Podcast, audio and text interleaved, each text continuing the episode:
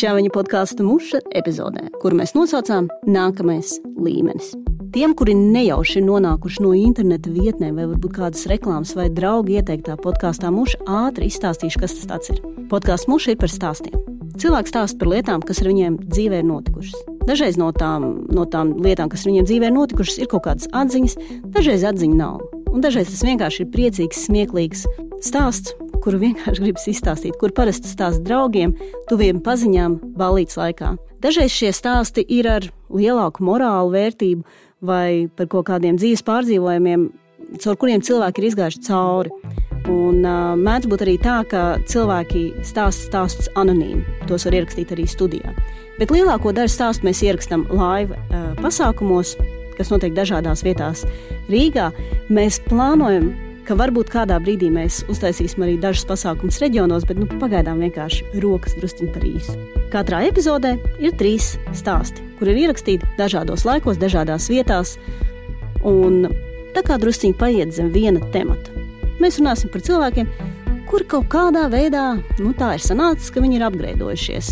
Dažreiz tas ir bijis apzināti, dažreiz neapzināti. Dažreiz viņiem ir licies, ka viņi nonāks nākamajā līmenī, bet, nu, diemžēl, tas nākamais līmenis tā arī nav pienācis.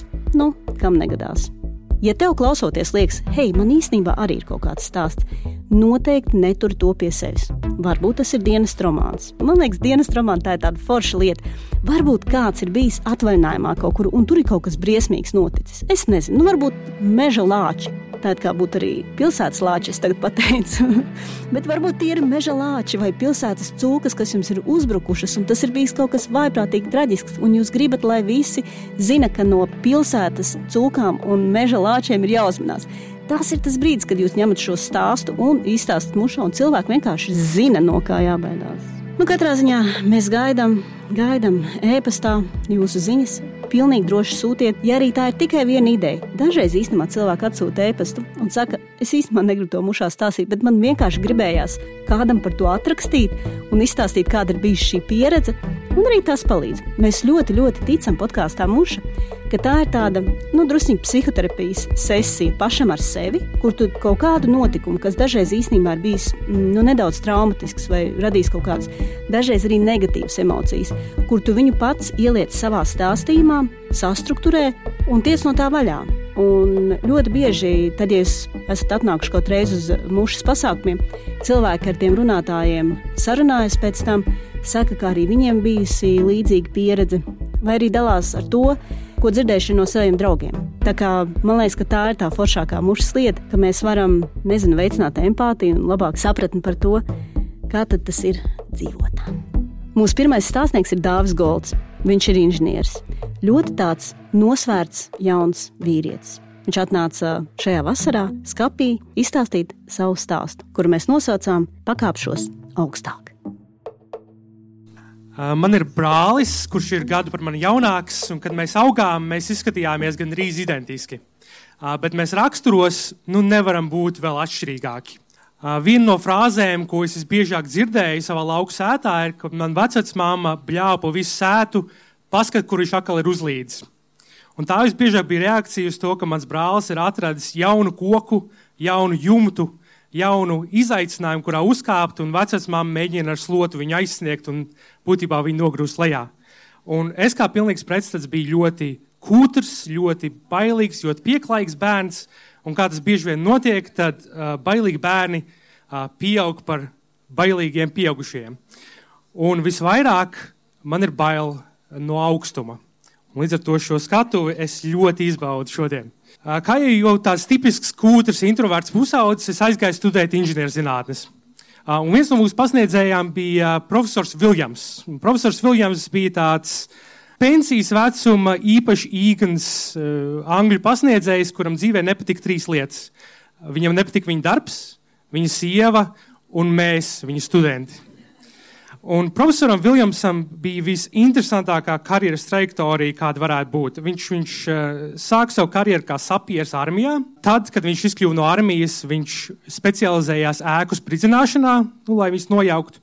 Un tad viņš kaut kā no ēku spridzināšanas dabūja doktora grādu būvniecībā. Tas iedod sēriju veidu indētājam ārsta diplomu. Tas kā pilnīgi ļoti savāda karjeras trajektorija. Un īpaši ironiski, ka tieši augstskolā viņš mums pasniedza celtniecības drošību, darba drošības noteikumus. Un būtībā viss tas kurs sastāvēja no veidiem, kā nomirt būvlaukumā. Tu vari kaut kam uzkrist, kaut kas tev var uzkrist, tu vari noslīgt, tu vari nosties ar strāvu, tu vari nosalt, tu vari sadegt. Un katrai no šīm lietām šķiet, ka profesoram Viljamsam ir kāds stāsts dzīves, ko viņš varētu mums pastāstīt. Uh, viens no tiem, kas ir iesēdies, droši vien, manuprāt, visvairāk ir tāds viegli homoerotisks stāsts no 80. gadiem, uh, kur kādā Dienvidu-Anglijas būvlaukumā ir karsta, karsta diena, ap 30 grādiem ir ārā. Un visi, kā jau 80. gados, visi vīrieši staigā apkārt bez krekliem un kaut ko būvē. Un tad vienam ienāk prātā, ka vajag uzšķakstīt savam kolēģim. Un tas, protams, pašķakstās pretī. Un tā pēc vairākām minūtēm tas jau pārvērš par milzīgu ūdens cīņu visā būvlaukumā, kur uh, visi strādnieki mēģina viens otram uzliet virsū spaini ar ūdeni. Un šo idillisku ainu izbojā viens spainis, kas ir atstāts būvlaukumā, pilns ar skābi būtībā visi šie stāsti ļoti, ļoti man iesēdās atmiņā. Un tagad, katru reizi, esot būvlaukumā, tas, ko es iedomājos, ir, kā es varētu nomirt. Es vienkārši eju cauri būvlaukumu un domāju, o, oh, būtu baigs stūbi uzkrist tam stiegrojumam, kurš man caurdurt. O, oh, būtu baigs stūbi, ja apvienotos tā kravu no tā celtņa un uzkrist man uz galvas.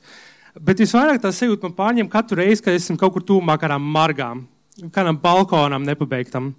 Un tad bieži vien es stāvu pie tā balkona, un es ļoti viegli spēju iztēloties, kā margas vienkārši salūst un es krītu uz priekšu. Kā man pazūd svars zem kājām, kā man sagriežas vēders, kā es krītu, un kā pirmajās sekundēs es saprotu, ka es neizdzīvošu. Tā droši vien ir tā, tā savādākā ilūzija tajā visā, kad es apzināšos, ka es tūlīt nomiršu un es neko nevaru darīt tās lietas labā. Un, lai arī man nesanāk baigi bieži būt uh, būvlaukumos, uh, projektētājs un arhitekts uh, būvlaukumos mēdz saukt par krītiņiem. Vai ne? Tāpēc, ka mums ir tik bāla āda salīdzinot ar pārējiem strādniekiem, esot oficiālos visu dienu, ka, ka mūsu būtībā var atpazīt pa gabalu. Un ilgus gadus lielākā problēma strādājot birojā, nu, lielākais risks ir pakristies kādu vādu vai aplaucēties pie kafijas automāta.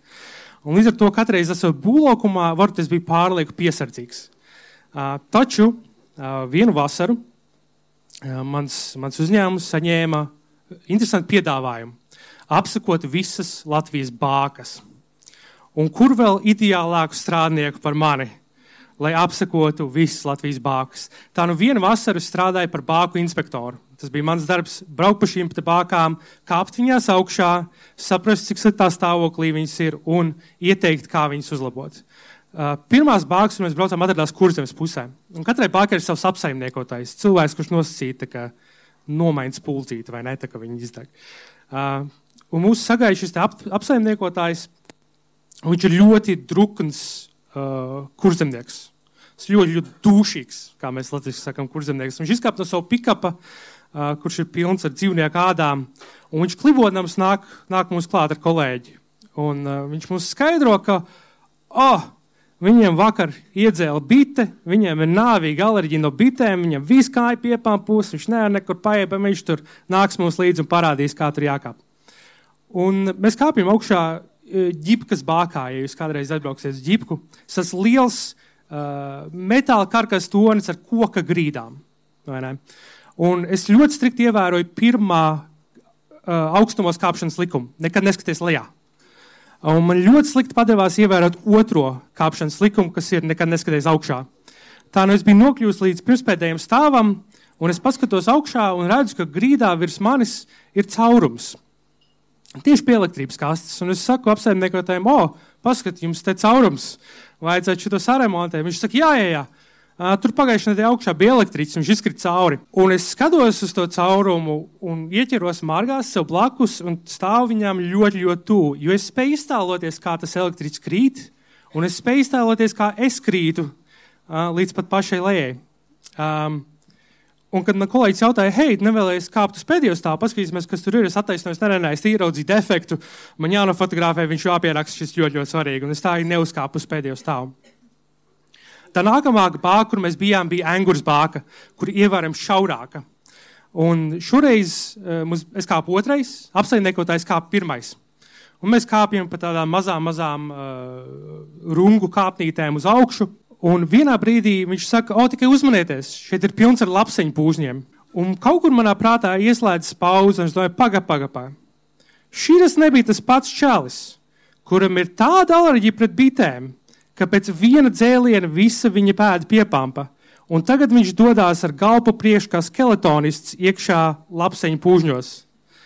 Un es paskatījos augšup, vēlreiz izdarīju kļūdu, un viss, ko es redzu, ir milzīgs vīriešu dibens, kuram apkārt lido lapsenes. Un es sapratu, šīs ir beigas.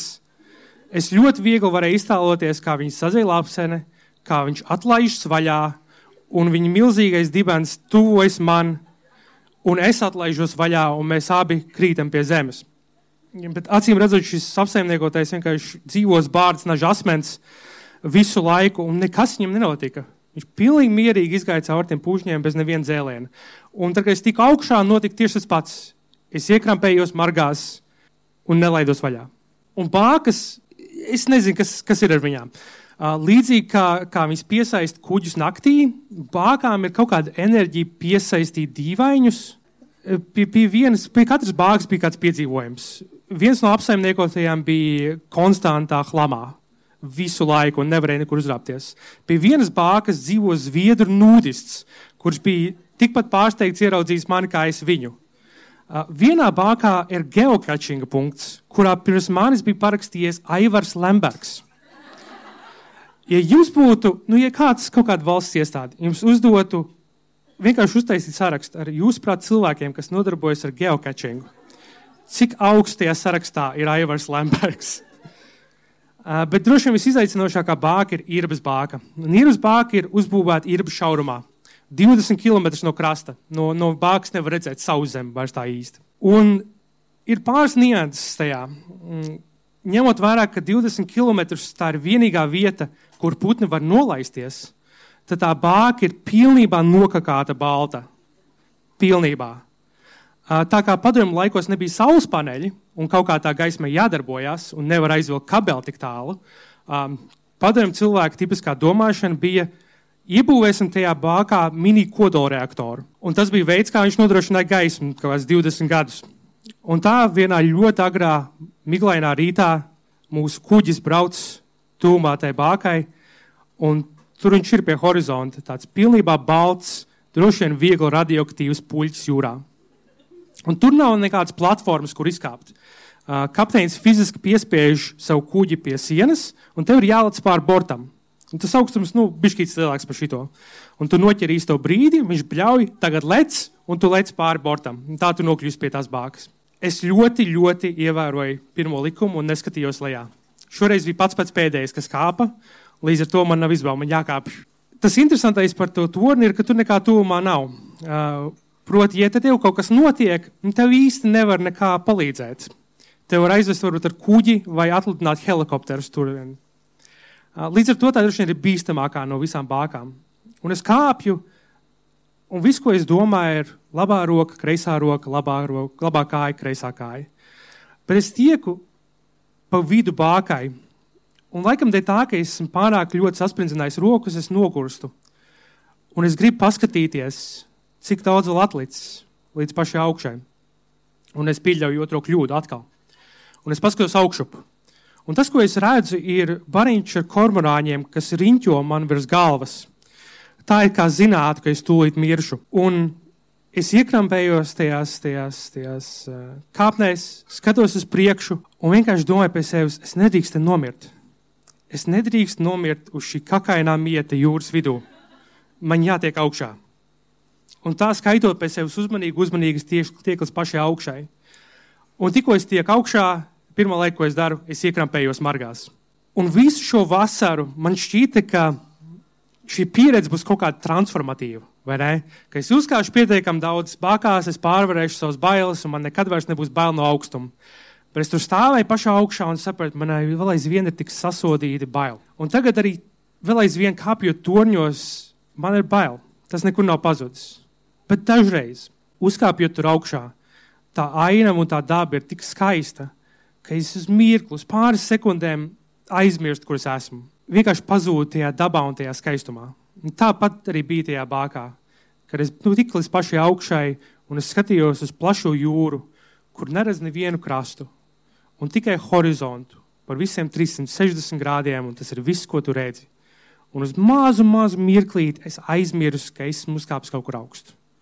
Un tādos brīžos es domāju to pašu, ko teica mana vecmāma. Paskat, kur viņš atkal ir uzlīdis. Paldies, Dāvi, ka atnāci un izstāstīji. Ļoti, ļoti ceru, ka tev vēl priekšā ir daudz bāku, kuras apmeklēt. Mūsu otrais stāsts ir no Dācis Bargās. Viņa arī skatīja šo stāstīju, un es nezināju, par ko viņa stāstīs. Un man jāatzīst, ka mēs ar viņu esam arī draugi, un, un man ir grūti viņu pieteikt. Var tikai pateikt un ieplūgot, ka viņai ir podkāsts Gāma Vilnis, kurā starp citu arī es esmu piedalījusies. Un pašai Dāca iet Santiago ceļu bet es ļoti, ļoti ceru, ka viņai sanāks kāds brīvāks laika brīdis, lai noklausītos vēlreiz pašai savu stāstu un pārējos divus, ko esam tur pielikuši klāt. Dācis Bargās stāsts, optimizācija un emancipācija.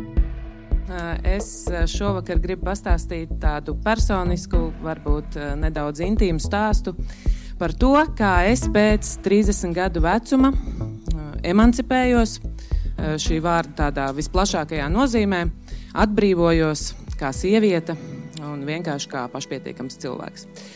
Nu, lūk, un iesākumā man ir nedaudz jāpastāsta, ka nu, kopš es sevi atceros, es vienmēr esmu radījusi citiem cilvēkiem tādu iespēju, ka es esmu ļoti drosmīga, ļoti traka meitene. Eh, bet eh, tas vienmēr ir nācis kopā ar tādu būtisku priekšnoteikumu. Man tā drosme ir nākusi nu, kopā ar citiem cilvēkiem. Nu, tie varianti tur atnāca ar mani kopā, vai, eh, nu, jebkurā gadījumā vienkārši es esmu varējis izdarīt tās trakās lietas tikai tad, ja man kāds ir nu, morāli atbalstījis vai fiziski bijis klāt. Savukārt tāda patiesa pašpietiekamība, kur man būtu jātiek ar sevi reāli galā, lielākoties man ir pirms tam dzīvē biedējusi.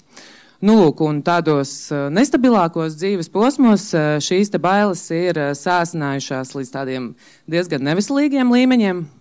Piemēram, man dzīvē bija tāds periods, ka man bija ļoti bail iet mājās naktīs pēc ballītēm vienai pašai. Un es vienmēr mēģināju sarunāt, lai kāds nāk ar mani kopā, vai pavada, vai izbrauc ar taksi līkumu, aizved mani līdz mājām. Ja neviens nebija tajā vakarā, es zvanīju savam vīram pa telefonu, prasīju, lai viņš man pavada līdz mājām. Tikai tas gabals galīgi nebija ne garš, ne bīstams. Tas bija aptuveni no Kaņepes kultūras centra līdz Antonijas ielai. Klusais centrs, jā, viens kvartāls.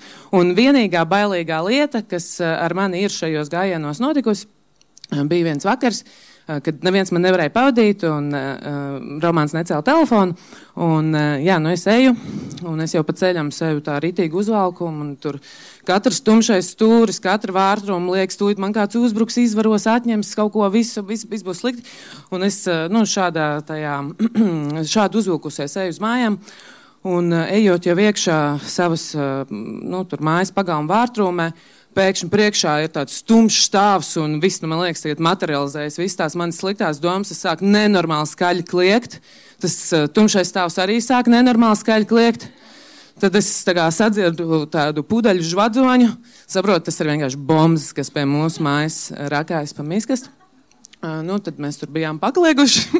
Savus uh, trijos naktī tādā klusumā aizējām mājās. Domāju, vienkārši, what the fuck, kas tikko notika. Uh, Nu, lūk, un eh, vēl arī man ir eh, bijis grūti nodalīt attiecībās ar cilvēkiem, eh, ko vēlos es un ko vēlas citi cilvēki. Nu, tāds piemērs, kad es pabeidzu 12. klasi, es pat neapsvēru kā reāli tādu variantu, ka es varētu braukt studēt uz ārzemēm, nu, jo man bija džeks. Un, uh, viņš negribēja, nu, viņš gribēja palikt Rīgā. Man liekas, nu, ko es tur vien braukšu studēt, nu, jāpaliek Rīgā, jo ir tās attiecības. Uh, Um, mēs izšķīrāmies vēl pirms es biju pabeigusi bakalauru, bet es ļoti ilgi nevarēju saņemties uh, kā, noslēgt uh, šīs attiecības, jo man likās, ka mans tēcis būs uh, par to uz mani dusmīgs. Uh, vēl es arī neesmu varējis aiziet nu, klasika no darba, jo man liekas, es neaizvietojami, priekšnieks uz mani dusmosies, uh, slikti par mani pēc tam runās. Uh, Es esmu melojusi savai psihoterapeitei, jo man bija ļoti žēl, ka viņai liktos, ka viņai nesanāk ārstēt manu depresiju. Un, bet, bet ne tikai sliktas lietas, arī šī īpašība man ir kaut ko labu dzīvē devusi. Piemēram, es tiešām nedomāju, ka es būtu uzrakstījis savu maģistra darbu. Ja man nebūtu, nu, man bija bērns mazs, man bija jāpaņem akadēmiskais gads, un uh, tie, kas varbūt zina šādu situāciju, ļoti grūti pēc tam ir eh, nu, atsākt un patiešām uzrakstīt to darbu. Nu, jā, man bija viens, uh, ir joprojām mans labākais draugs, kurš vienkārši katru reizi, kad mēs satikāmies, viņš man prasīja, nu, Dats, kā tev iet ar to maģistru? Nu, uh, nu, tu kaut ko raksti, bet nu, tu saproti, tev dzīvē var pienākt situācija, kad vienkārši tev tas būs nepieciešams. Un, un viņš to patiešām darīja konstanti katru reizi, kad man likās, nu, labi, viss, man, man vieglāk ir vienkārši uzrakstīt to maģistra darbu, nokārto visu, lai viņš man neuzdod vairs šo jautājumu. Un paldies Jančukam, jo man patiešām dzīvē pienāca tāda situācija, kur uh, man bija šis grāts noderīgs. Nu, lūk. Bet to, ka tā ir kaut kādā mērā nu, problēma, šī te, nezinu, atkarība, līdzatkarība no cilvēkiem, es sapratu uh, pēc 30 gadu vecuma, kad man, nu, es biju izveidojis ģimeni, man divi bērni, tur es esmu realizējis sevi arī profesionāli, man ir kredīts, nu, visas šīs lietas. Un tad, kā tas mēdz notikt starp cilvēkiem, ar cilvēkiem starp 30 un 50 gadu vecumu, man sākās puš, pusmūžnieks. Sagūglēju, toču, tā ir pusmūža krīze. Tā arī klasiski, kas notiek, nu, cilvēki sāk visu kaut ko meklēt, dzīves jēgu, mēģināt saprast, ko tad pa īstam gribu es. Uh, nu jā, man šī iekšējā tāda apakalipse sakrita ar to, ka arī bija sākusies pandēmija. Uh, es personīgi atceros ar vislabākajām atmiņām pandēmiju. Man tiešām liekas brīnišķīgs laiks. Beidzot, vairs nebija jāiet uz uh, visām sapulcēm, uz visām bērnu dārza eglītēm, uz visiem ģimenes pasākumiem. Tiešām es ļoti izbaudīju šo laiku, un es varēju pilnvērtīgi pievērsties savam pusmūžniekam. Uh, kā jau nu, cilvēki parasti dara šādās situācijās, sākumā sadarīja muļķības, pēc tam sāk nodarboties ar sportu, visādām garīgajām praksēm. Nu, viss, vis, kas, ko parasti cilvēki dara savos pusmūžniekos. Nu, lūk. un, bet arī ar tiem apskaidrības brīžiem. Un vismaz tā esmu dzirdējis no cilvēkiem. Lielākoties viņi pienāk tādos momentos, nu, kur tu pat īsti tā negaidi. Tu esi visu kaut ko tur izmēģinājis, meditējis, braucis uz retītiem. Nu, šis arī bija tāds brīdis, À, nu, varbūt zināt, ir tā leģenda par Ņūtonu, ja, ka viņš saprata gravitāciju brīdī, kad viņam uzkrita ābols uz galvas.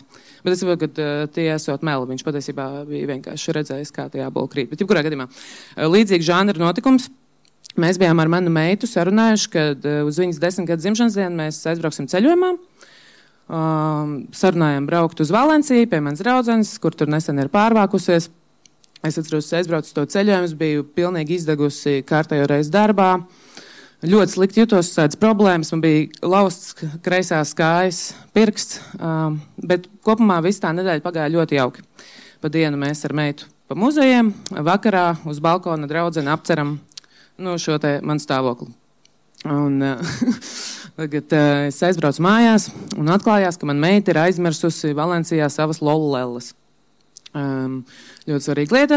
Sarunājuma draudzene, viņa atsūtīs tās lolu lēlas uz Rīgu, uh, nogādās viņas darba vietā, un tad man uz to darba vietu ir jāaiziet viņas izņemt. Un tā darba vieta ir veikals seksīstēl. uh, es pirms tam biju savā dzīvē, bijusi vienu reizi mūžā, intīmu preču veikalā. Uh, tas bija, kad man bija 18 gadi, pirms 11 gadiem veikalā labi uz Čakielas. Es tam citu tagad gatavojoties šim vakaram sagūglēju, ka joprojām Rīgā ir divi veikali labi. Viens no viņiem ir diennakts veikals. Bet, jā, jebkurā gadījumā šī mana pieredze toreiz, nu, kā es to atceros, varbūt tā bija es, jā, varbūt tas nebija veikals labi. Bet, nezinu, jā, tā kā vai tā bija es, vai viņi to kaut kādā veidā radīja, ka es jutos ļoti šeidītai veikalā. Viss tur ir, um, bija aiz tādām uh, stikla vitrīnām, viss jāprasa, nu, lai atslēdz, izņem ārā no tā stikla skapīša. Tas ir 50 gadīgs vīrietis. Atkal, nu, tā kā man nav nekas pret 50 gadīgiem, nav arī tā, ka man viņi patīk, bet, uh, nu, jūs saprotat, ja? Nu, tā kā es negribu nekādā veidā aizskart nevienu 50 gadīgu vīriešu jūtas, bet tajā brīdī, nu, manos 18 gados es gribēju vienkārši nopirkt klusēdam lubrikantu un, nu, pazust no tā veikala. Nu, tur tas nebija iespējams, tur viss notika ļoti skaļi skatos tur tās kabīnes ar aizskariņiem, tāds viss tāds. Var sakot, vēlme tur atgriezties eh, man nebija. Seksīs tēlā šāda atmosfēra nav. Seksīs tēls ir, nu, kā H&M, tu ieej iekšā. Viss pilnīgi mierīgi. Un tad, eh, nu jā, un tad es nolēmu, nu, ja es te esmu, es paņēmu tās lēlas, varētu nočakot to piedāvājumu. Un uh, man arī līdz šim dzīvē bija bijis viens vibrators, ko man bija uzdāvinājis mans pirmais draugs. Viņš bija ja, nu, tāds diezgan liela izmēra elektroviolets vibrators, kurš anatomiskā veidā atgādināja vīriešu dzimumu locekli ar vēl tādām izspiedušamies vēnām. Un, arī nu, neradīja man kaut kā vilinājumu šis, šī rotaļlieta. Un arī jāpiebilst, ka es vispār īsti neaizrāvos nu, ar sevis iepazīšanu tādā veidā, jo man likās, nu kā, nu, tāpēc jau man ir džeks, ka man nebūtu tā tādas lietas jādara pašai. Un, nu jā, kopumā arī man tas servis vienmēr ir bijis nu, pietiekami labs, ka es domāju, nu, vispār nebija pat aizdomājies par to, ka man vajadzētu tādas lietas pašai arī nu, darīt. Uh, varbūt man paveicies. un tad, nu jā, tā jaukā meitene. Seksīs tajā veikalā man ieteica, nu, ka es varētu iesākt, nu, es izstāstīju to, es neizstāstīju visu šo, ko es jums stāstīju, bet, nu, ka es esmu iesācēju. un, un viņi man ieteica tādu budžeta 20 eiro vibratoru um, ar pieciem vibrēšanas režīmiem. Uh, es viņu nopirku, aiznesu mājās. Es vispār viņu paņēmu arī līdzi šitāds vibratoriņš. Un tagad šis ir podkāsts, viņu arī ieslēgšu. Es nezinu, neko laikam nevar dzirdēt, bet viņam ir tiešām pieci vibrēšanas režīmi. Nu jā, un tā tad, nu man vajadzēja kādas divas, trīs minūtes pirmajā reizē. Un,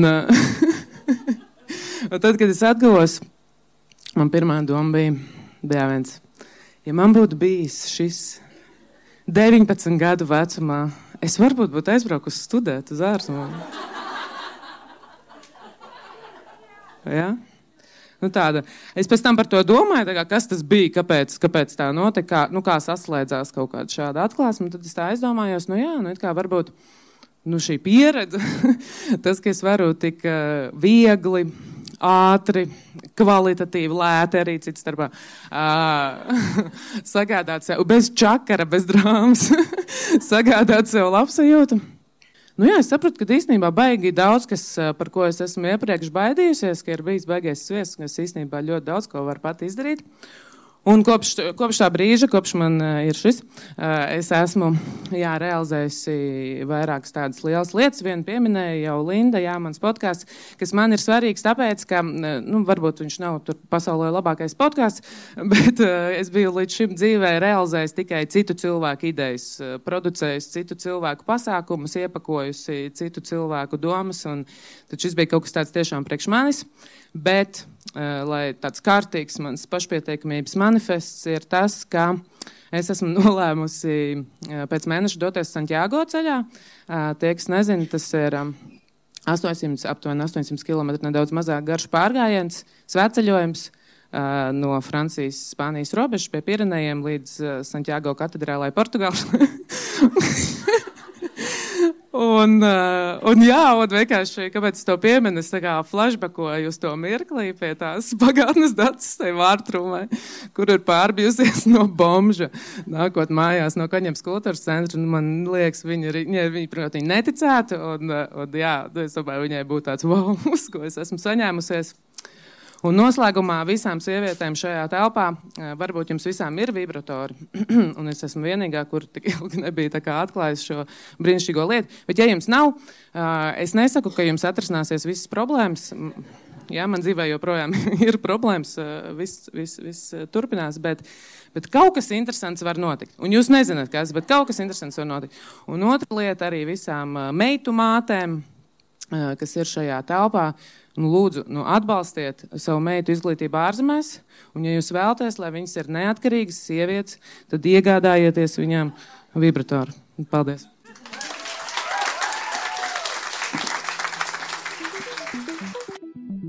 Paldies, Dārts, tev par šo stāstu. Tā tik bija pieredze to dzirdēt klātienē. Tāpēc vēlreiz atgādinu visiem, neklausieties tikai šeit, mūsu podkāstā, nāciet arī uz pasākumiem.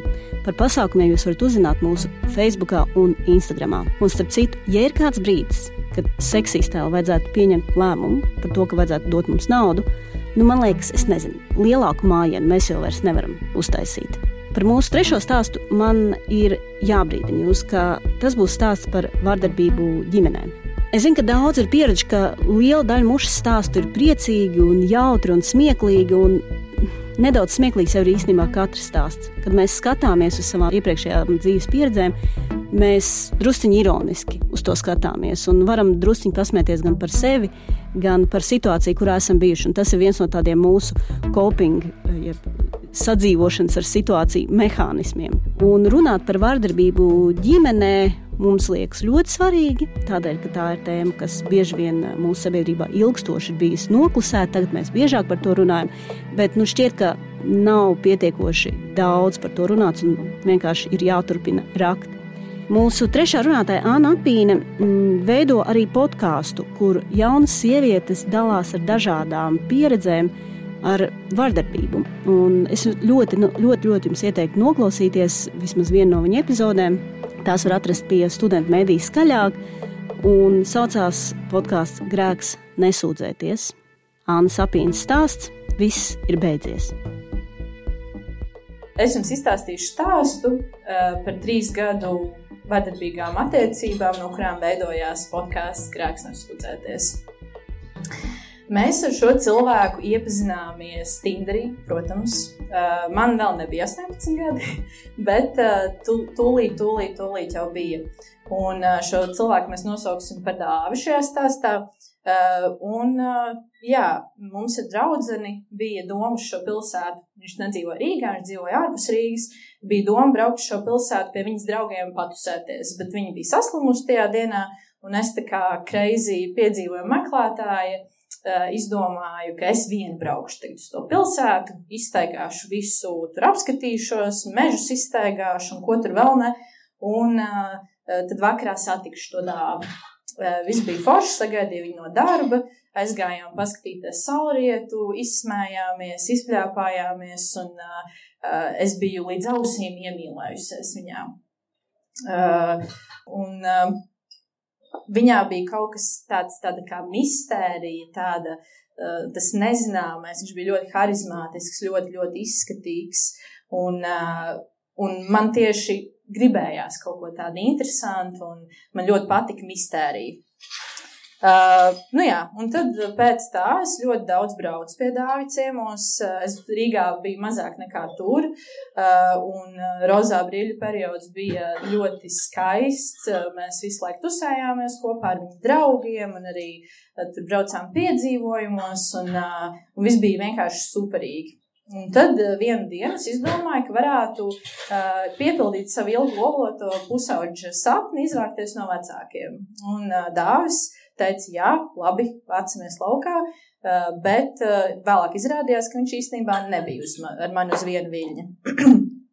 Eh, dzīvoklī mēs dzīvojam trietā, jo viņa draugu izmeta vecāki no dzīvokļa, no mājām, un tad mēs izdomājam trītā īrēt. Viņš ļoti daudz strādāja. Es strādāju, mācījos, liku vēl mašīnas tiesības, Eh, un eh, tad, kad notiek kaut kāda sadzīve, tad arī notiek sadzīves konflikti. Un eh, šajos konfliktos atklājas cilvēki, tā varētu teikt, tumšās puses, nezinu, tā otra puse, kuru viņš neuzspēlē, kad viņš tev pirmoreiz satiek, vai kad jūs ne, nedzīvojat kopā.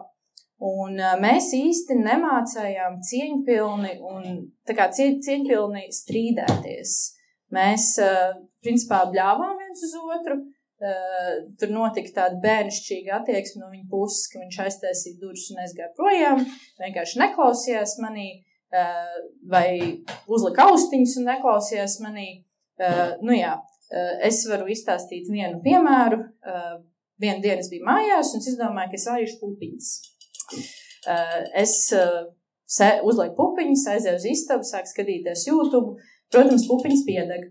Un tajā vies, istabā, kurā bija balkons, ir paklājs.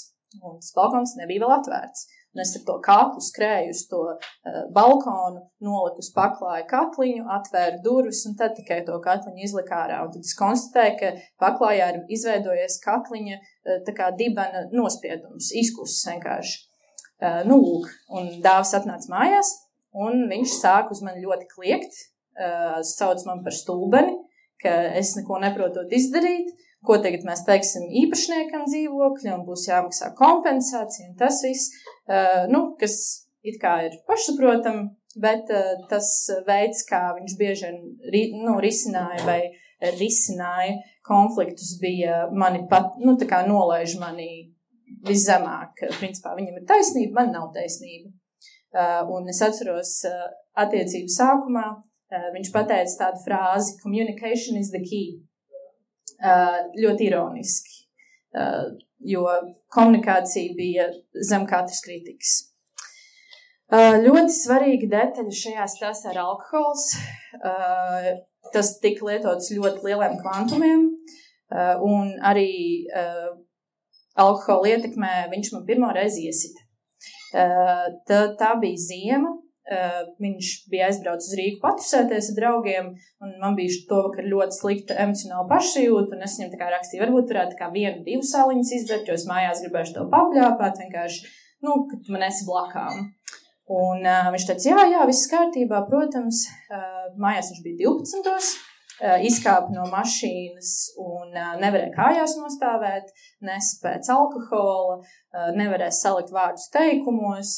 Un es, protams, biju ļoti dusmīga un noskaitusies, un, jo tā kā manas vēlmes un manas vajadzības vispār netika ņemtas vērā, un es tā kā biju nolikta, nu, tā kā aiz pilnīgi viss, kas viņam bija svarīgs.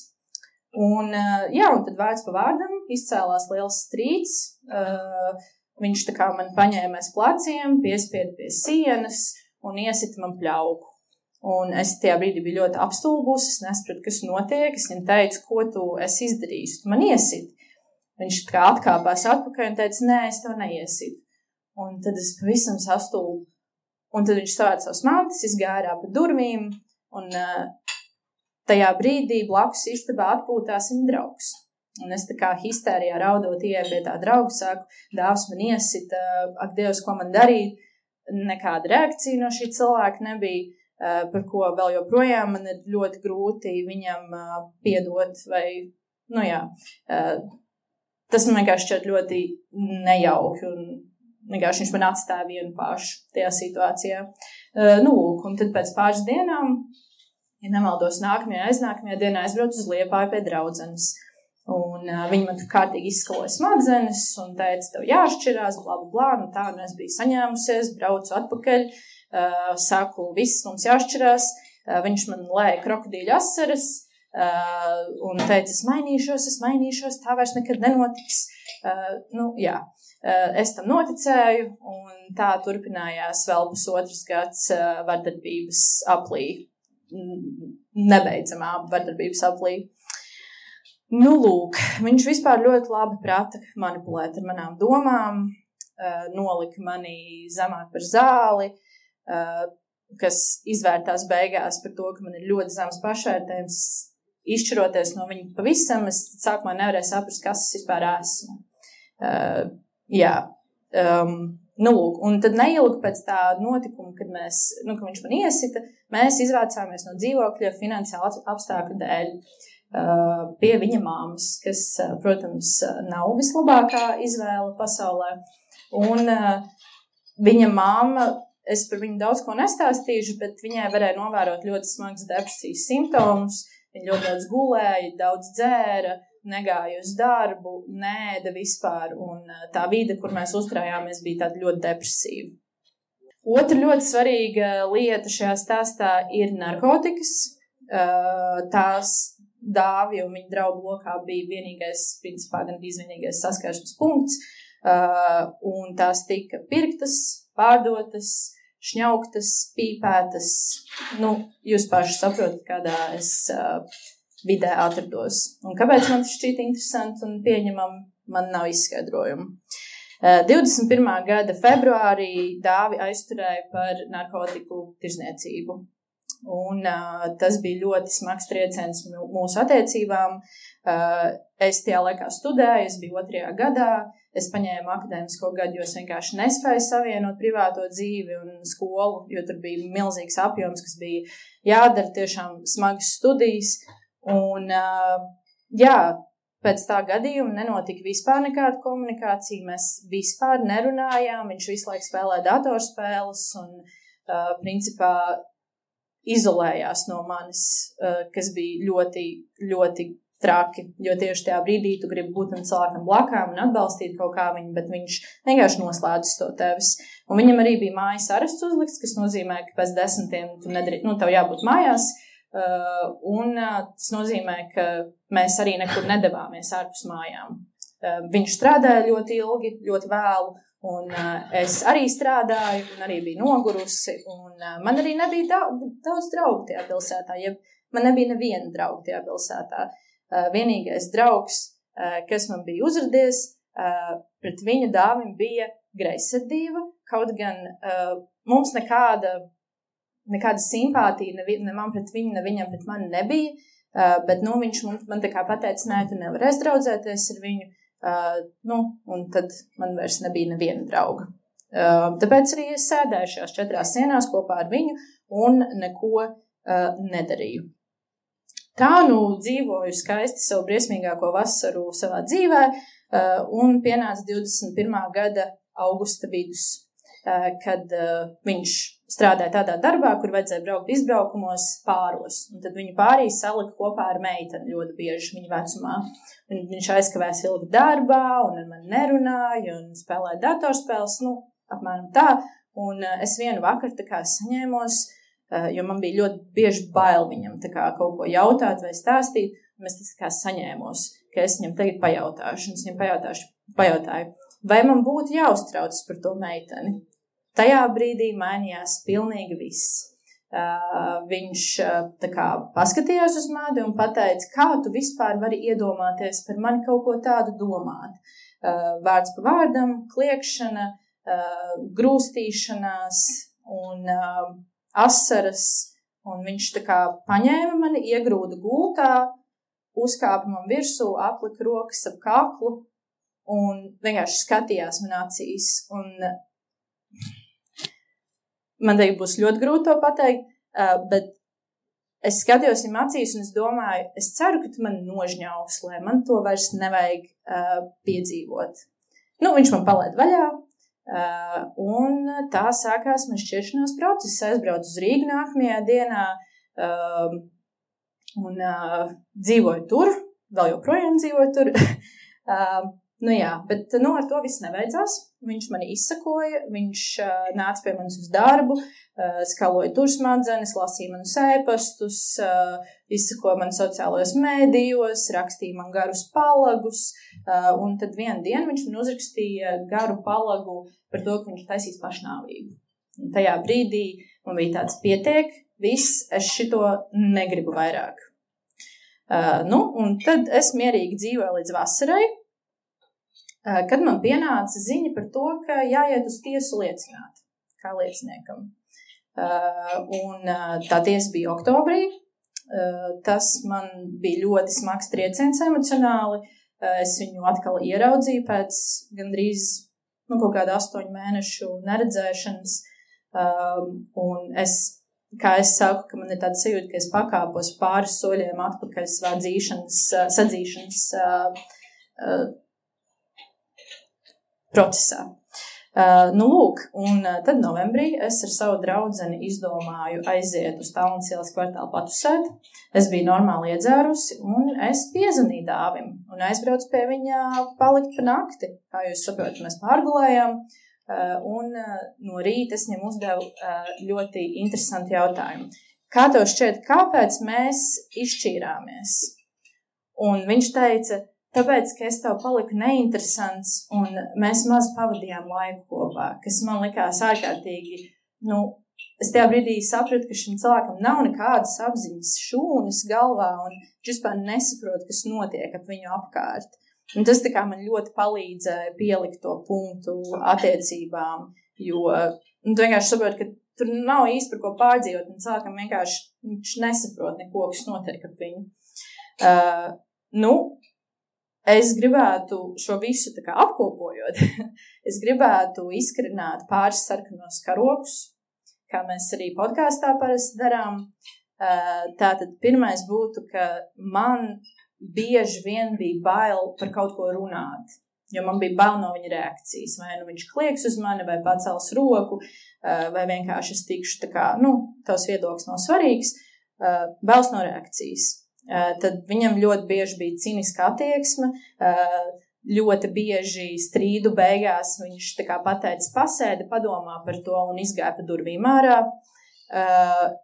Ļoti liela manipulācija un kontrole Un arī tas pārlieku skaistais rozā brīļu periods, kad tev sākumā viss tiek iedots, tavs emocionālās, tās ātrās vēlmes tiek apmierinātas, un uh, tev šķiet, viss taču ir kārtībā, tev viss tiek iedots. Uh, un kā pēdējo ļoti sarkano lielo karogu, es varētu izka, izkarināt uh, ļoti zemes kvalitātes seksu. Uh, bet uh, tā, ka viņam neinteresē, kā es jūtos, Viņš apvainojās, ja es negribēju to darīt. Uh, nu, tā kā rīktīgi apvainojās, un kā tur pat izvērtās strīdi no tā, ka viņš apvainojās. Uh, un uh, viņš uzskatīja, ka tā ir mana problēma, ka es nevaru pabeigt, un uh, viņš kā lika man par to justies vainīgai, uh, pārmeta man par to, ka es nevaru pabeigt, un uh, no šī man arī ir uzdāvināts tāds komplekss, ka es nevaru pabeigt tagad.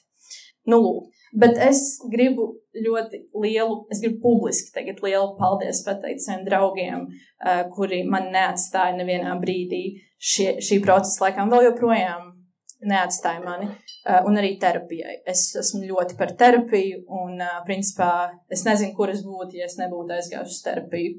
Mēs esam nonākuši līdz janu, šī gada janvāra sākumam, kad iznāca podkāsta Grēks nesūdzēties pirmā epizode.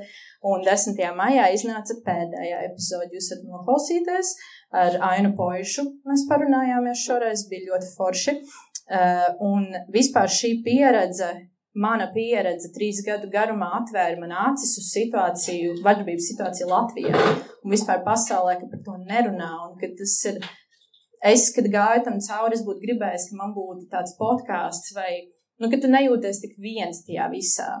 Uh, un arī par to, ko es nesen uzzināju, ka nav ratificēta Stambuls konvencija, kas ir uh, man ļoti grūti to apzināties, uh, jo tas ir kaut kas ļoti svarīgs un liels solis būtu. Bet jā, kā pēdējo es teikšu, es šeit nenācu sūdzēties, bet runāt par reālu eksistējošu vardarbību, kurai patīk klusums. Es nācu dalīties ar savu stāstu, lai šķīdinātu priekšstats par attiecībām.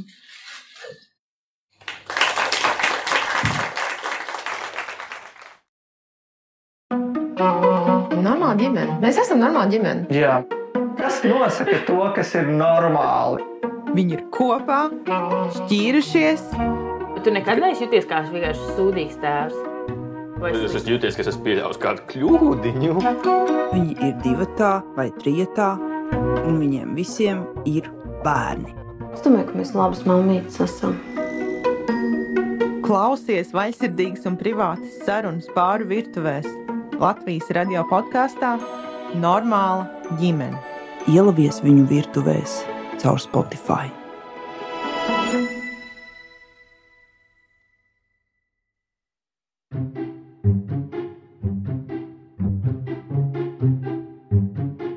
Paldies, Anna, ka tu atnāci uz podkāstu mūsu ierakstu un izstāstīji par šo stāstu. Paldies, ka tu dalies ar savu drosmi, un ir tiešām prieks dzirdēt, ka ir arī izeja no šādām attiecībām. Kad es klausījos um, šo podkāstu, man jāatzīst, ka arī pār mani nāca tādas dažas atklāsmes par to, kāda veida attiecībās es pat esmu bijis un ko esmu uzskatījis par absolūtu normu. Un tas ir tas iemesls, kāpēc mēs par šo runājam. Ja jums ir vajadzīgs atbalsts un palīdzība, tad vienmēr varat vērsties centrā Marta. Ja jūs gribat atbalstīt cīņu pret vardarbību ģimenē, cīņu par to, lai Latvija beidzot ratificētu Stambulas konvenciju un atbalstītu sievietes, kuras cieš no vardarbības, noteikti, noteikti ziedojiet centram Marta. Viņa sniedz juridisko palīdzību, viņa sniedz konsultācijas, viņa sniedz psiholoģisko palīdzību gan Rīgā, gan arī uh, reģionos. Un tas ir ārkārtīgi svarīgi, ka tas ne tikai Rīgā notiek, bet arī Liepājā, piemēram, un citās uh, Latvijas pilsētās. Tā kā ziedojiet centram Marta. Nu ko, vēl viena podkāstu mūsu epizode ir galā. Ja jums patika, lūdzu, dalieties. Dalieties sociālajos tīklos, stāstiet saviem draugiem par podkāstu. Mūsu pajautājiet, varbūt jūsu draugi vēlas izstāstīt kādu stāstu. Es vēl joprojām atgādinu par to dienas traumu. Es tiešām ceru, ka kāds cilvēks atsūtīs par to stāstu. Un uh, nāciet uz mūsu pasākumiem. Šo podkāstu finansējam mēs pašas, un lielākais atbalsts ir pirkt biļetes uz mūsu pasākumiem. Nopirkt biļetes sev, nopirkt biļetes saviem draugiem. Mums daži pasākumi vēl šajā rudenī sesijā ir paredzēti. Nenokavējiet, sakojiet mums sociālajos tīklos. Uz atvedām bučiņas no manis, Džēmas Sudrabas, no Mārtas Herces, Agatas Mežulas, Anetas Malainas, Annas, Katrīnas, Elmas un Kerijas Brokas. Tiekamies nākamajā epizodē! thank you